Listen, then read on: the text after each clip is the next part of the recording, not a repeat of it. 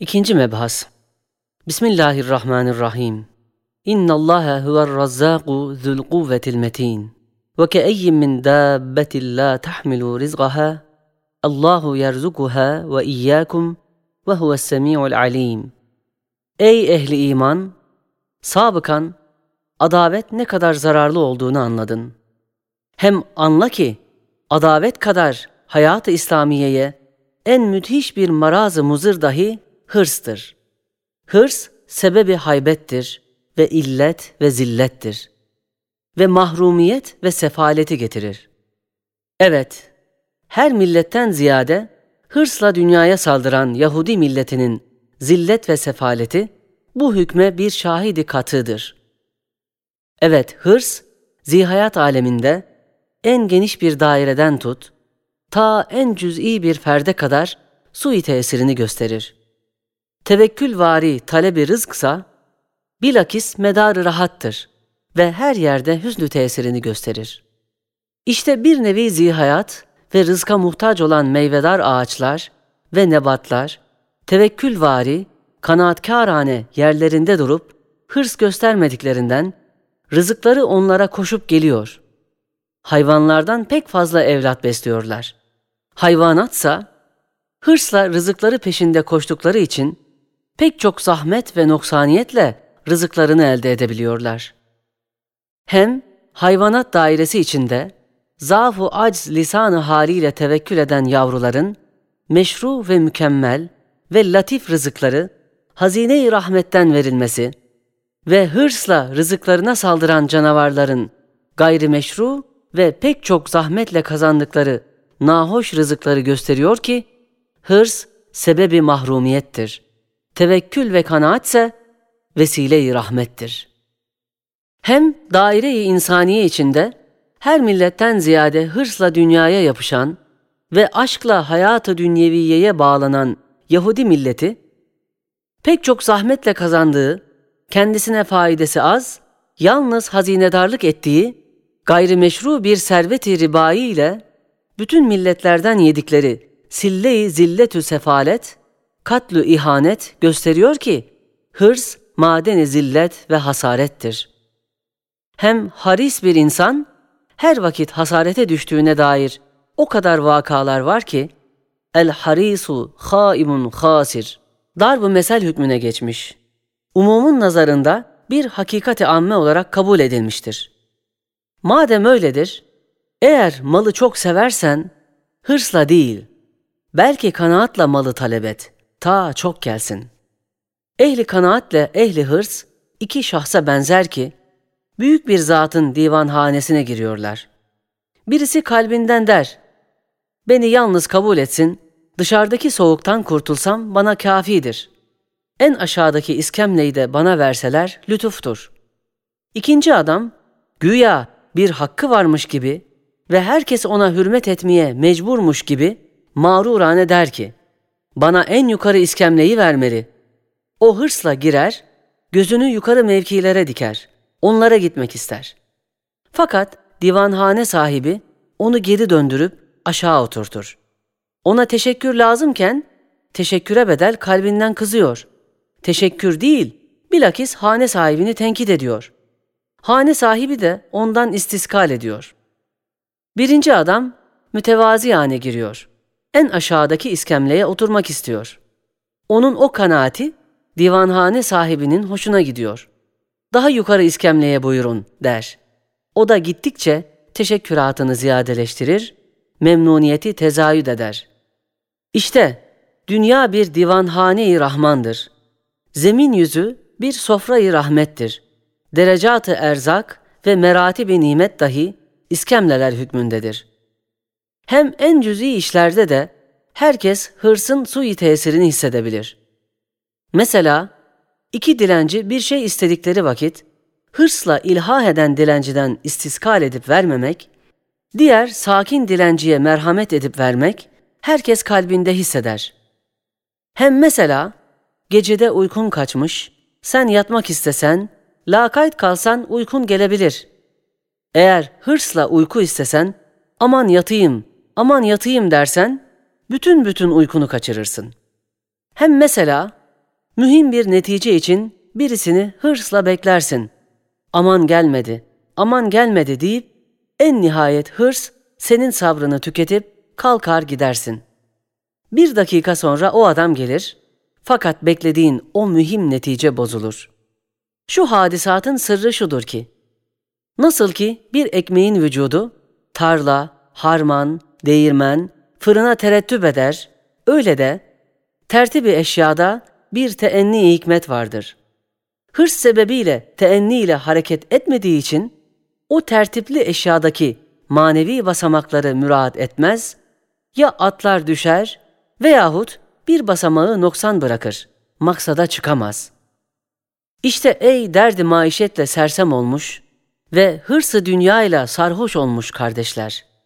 Hırs bu kadar muzır ve belalı bir şey olduğu halde, nasıl hırs yolunda her zilleti irtikab ve haram helal demeyip her malı kabul ve hayat-ı uhreviyeye lazım çok şeyleri feda ediyorsunuz.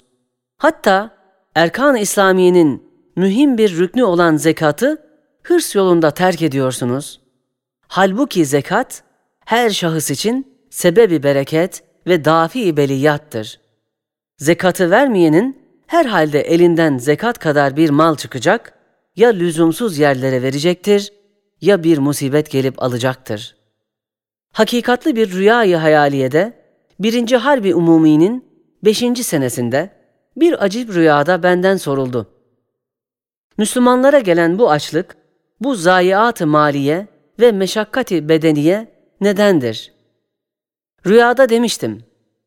Cenab-ı Hak bir kısım maldan onda bir, haşiye, yani her sene taze verdiği buğday gibi mallardan onda bir veya bir kısım maldan kırkta bir, haşiye, yani eskiden verdiği kırktan ki her senede galiben ve laakal ribhi ticari ve nesli hayvani cihetiyle o kırktan taze olarak on adet verir. Kendi verdiği malından birisini bizden istedi. Ta bize fukaraların dualarını kazandırsın ve kin ve hasetlerini men etsin. Biz hırsımız için tamakarlık edip vermedik. Cenab-ı Hak müterakim zekatını kırkta otuz, onda sekizini aldı. Hem her senede yalnız bir ayda yetmiş hikmetli bir açlık bizden istedi, biz nefsimize acıdık, muvakkat ve lezzetli bir açlığı çekmedik, Cenab-ı Hak ceza olarak yetmiş cihetle belalı bir nevi orucu beş sene cebren bize tutturdu. Hem 24 saatte bir tek saati hoş ve ulvi, nurani ve faydalı bir nevi talimat-ı Rabbaniye'yi bizden istedi. Biz tembellik edip o namazı ve niyazı yerine getirmedik. O tek saati diğer saatlere katarak zayi ettik. Cenab-ı Hak onun kefareti olarak beş sene talim ve talimat ve koşturmakla bize bir nevi namaz kıldırdı demiştim. Sonra ayıldım, düşündüm. Anladım ki o rüyayı hayaliyede pek mühim bir hakikat vardır. 25. sözde medeniyetle hükmü Kur'an'ı müvazene bahsinde ispat ve beyan edildiği üzere beşerin hayat-ı içtimaisinde bütün ahlaksızlığın ve bütün ihtilalatın menşei iki kelimedir. Birisi, ben tok olduktan sonra başkası açlıktan ölse bana ne? İkincisi, sen çalış ben yiyeyim. Bu iki kelimeyi de idame eden cereyan riba ve terki zekattır. Bu iki müthiş marazı içtimai tedavi edecek tek çare, zekatın bir düsturu umumi suretinde icrasıyla vücubu zekat ve hurmeti ribadır. Hem değil yalnız eş hasta ve hususi cemaatlerde, belki umum nevi beşerin saadeti hayatı için en mühim bir rükün, belki devamı hayatı insaniye için en mühim bir direk zekattır. Çünkü beşerde havas ve avam iki tabaka var. Havastan avama merhamet ve ihsan ve avamdan havassa karşı hürmet ve itaati temin edecek zekattır. Yoksa yukarıdan avamın başına zulüm ve tahakküm iner, avamdan zenginlere karşı kin ve isyan çıkar. İki tabakayı beşer, daimi bir mücadele-i maneviyede bir keşmekeşi ihtilafta bulunur.